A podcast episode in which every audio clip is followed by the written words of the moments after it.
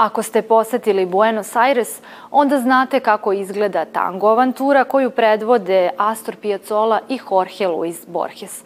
Ukoliko ne možete odoleti primamljivim tango ritmovima, onda ste sigurno bili na koncertu na koji idemo na početku nove arterije ispunjene sledećim sadržajima. Nastup Novosadskog tango kvinteta u Srpskom narodnom pozorištu. Godišnje nagrade Kulturnog centra Vojvodine Miloš Crnjanski zimska prodajna izložba u malom likovnom salonu.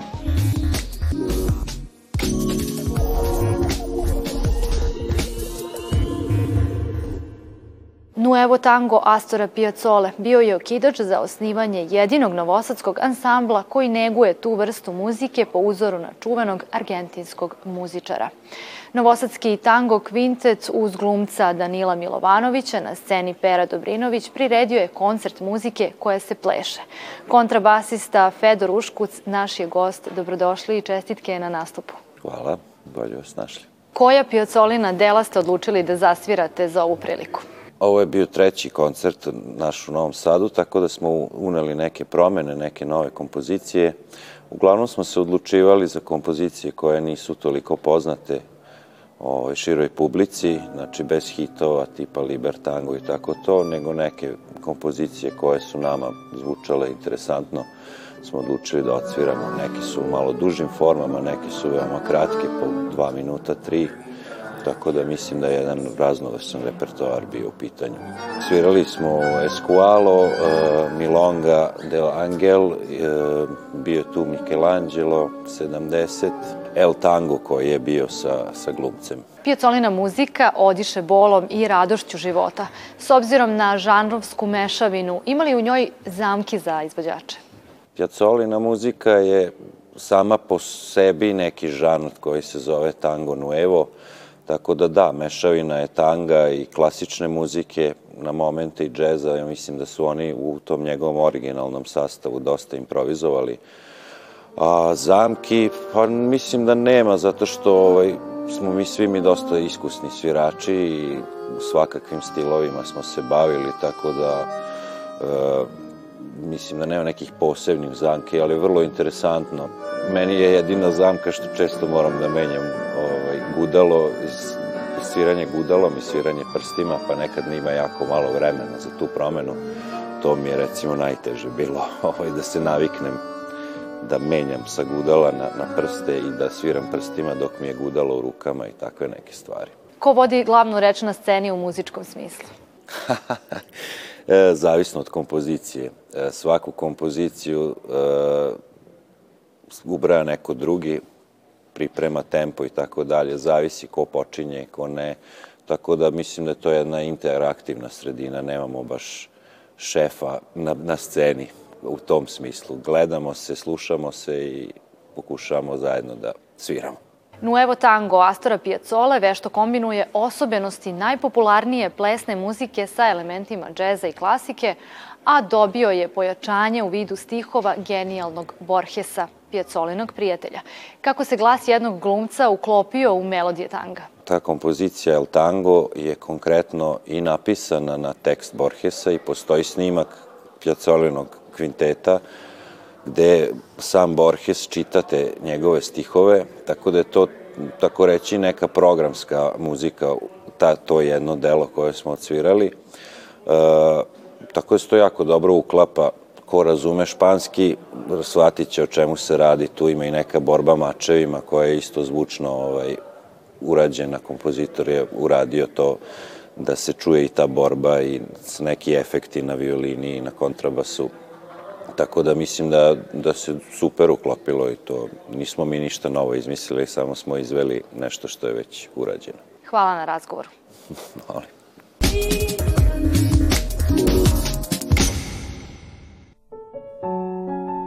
Grad pesnika Vladislava Petkovića Disa, slikarke Nadežde Petrović, rokera Bore Čorbe, glumice Sonje Savić, grad na Jelici, postoje prva nacionalna prestonica kulture 2023. godine. Sa više od 60 programa u četiri umetničke celine pod nazivima Na slobodi, na raskršću, na kaldrmi i na Moravi, Čačak će u titularnoj godini kreativno oslikati specifičnosti Moravskog kraja, u čemu će biti uključeni mnogi umetnici institucionalne i nezavisne kulturne scene.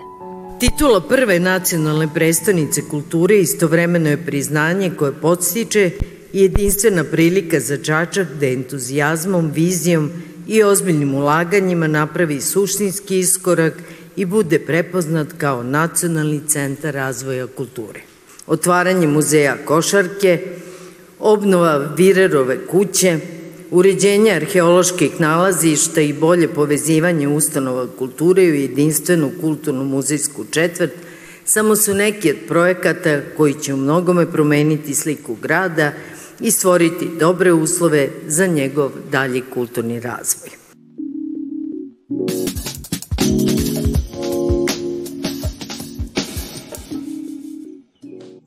Ovogodišnjim laureatima u holu pokrajinske vlade uručene su nagrade za kulturu u četiri kategorije koje dodeljuje Kulturni centar Vojvodine Miloš Crnjanski. Glumica Bojana Milanović dobitnica je Iskre kulture za savremeno stvaralaštvo autora mlađeg od 35 godina.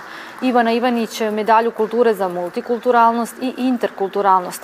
Za očuvanje kulturnog nasleđa nagradu je dobila upravnica Galerije Matice Srpske Tijana Palkovljević-Bugarski, dok je akademska slikarka Vera Zarić postala vlasnica medalje za životno delo, odnosno celokupan rad. Zaista jedno veliko i važno priznanje e, meni lično znači jer nekako osjećam kao da je kruna e, svega onoga što sam do sada uradila i veliki motiv za dalje, ali koliko nosi radosti i sreće ova nagrada, toliko nosi i odgovornost da nadalje u svojoj glumačkoj e, karijeri je i opravdam. Sama medalja je vrlo značajna i za mene i za moju instituciju, ali pokazuje, e, pokazuje da smo mi zaista značajna, značajna institucija koja neguje multikulturalnost, interkulturalnost u Vojvodini, u Srbiji i ne samo, naravno i u Evropi. Ja dobijam nagradu za zaštitu kulturnog nasleđa i ona mi veoma mnogo znači iz prostog razloga što je 20 godina moje karijere bila posvećena upravo zaštiti kulturnog nasleđa kroz muzejsku delatnost, kroz jedan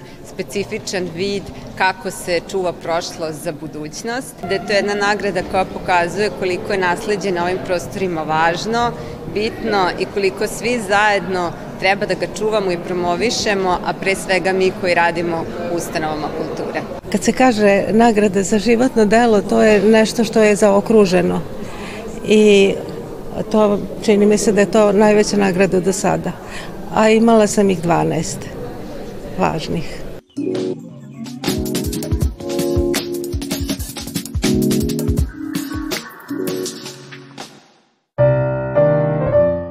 Ulaskom u poslednji kalendarski mesec ulazimo i u praznično raspoloženje, a ukoliko ste u nedoumici čime da obradujete svoje voljene, rešenje možete pronaći u malom likovnom salonu, gde je otvorena zimska prodajna izložba. Čini mi se da u ovim prazničnim danima, a i preko leta, prodaja bude intenzivnija, ali ne znam da li e, je to zbog toga što su praznični dani, što su ljudi opušteniji, zato što dolaze naši ljudi iz inostranstva, pa borave tu, hoće da uzmu nešto za uspomenu ili nekome donesu na poklon. Postavku čine dela umetnika koji su izlagali ranijih godina i koji će u budućnosti imati svoje izložbe u prostoru salona.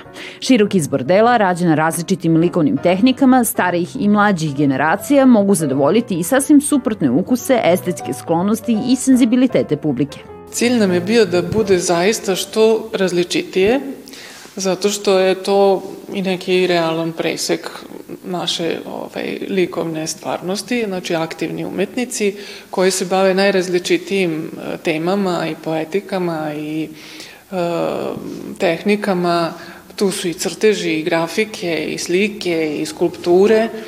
Nalik kolažu izložba predstavlja skup različitih autorskih rukopisa koje zajedno čine dopadljivu celinu. Bilo da želite da obogatite svoju umetničku kolekciju ili nekoga obradujete vrednim poklonom, predlažemo da posetite zimsku prodajnu izložbu otvorenu do 13. januara. Povodom otvaranja izložbe jedna sasvim neobična srpsko-francuska veza Olga Keseljević i Mark Berbeza, koja će biti otvorena u Parizu u Francuskom kulturnom centru, održana je konferencija za medije na kojoj su govorili autorka postavke profesorka doktorka Dijana Metlić, upravnica Galerije Matice Srpske Tijena Palkovljević-Bugarski i rukovodilac ogranka Francuskog instituta Vladimir Marinković. Očekuje nas veliki broj eksponata, e, čak 95, od toga su zaista različiti eksponati, slike, knjige, razglednice, fotografije, ali ona u čemu je znači te izložbe, jer ona govori o tome kako pojedinac, odnosno jedan par, može da poveže dve kulture, dve umetnosti, dve tradicije i da proizvede nešto potpuno novo.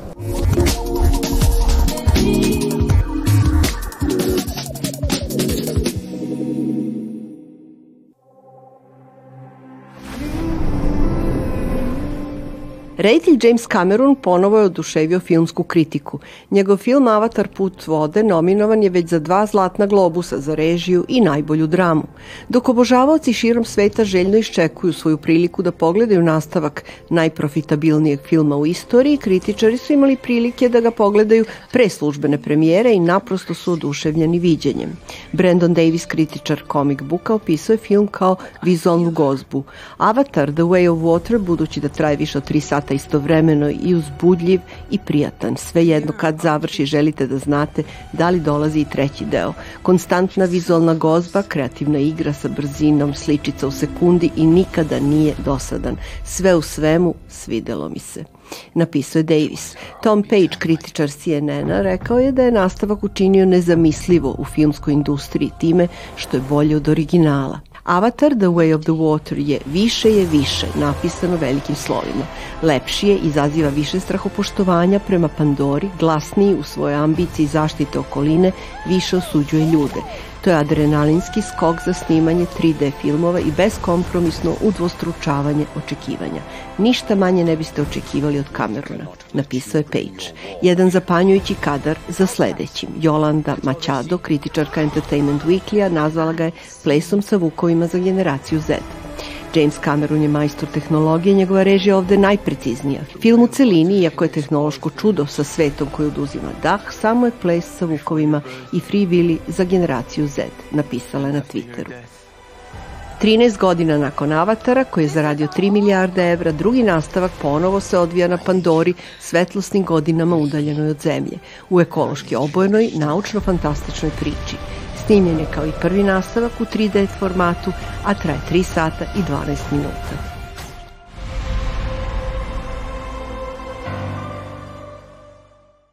Sudar dva neverovatna sveta daje nesvakidašnji spektakl na ovim prostorima, Anime Simfoniju.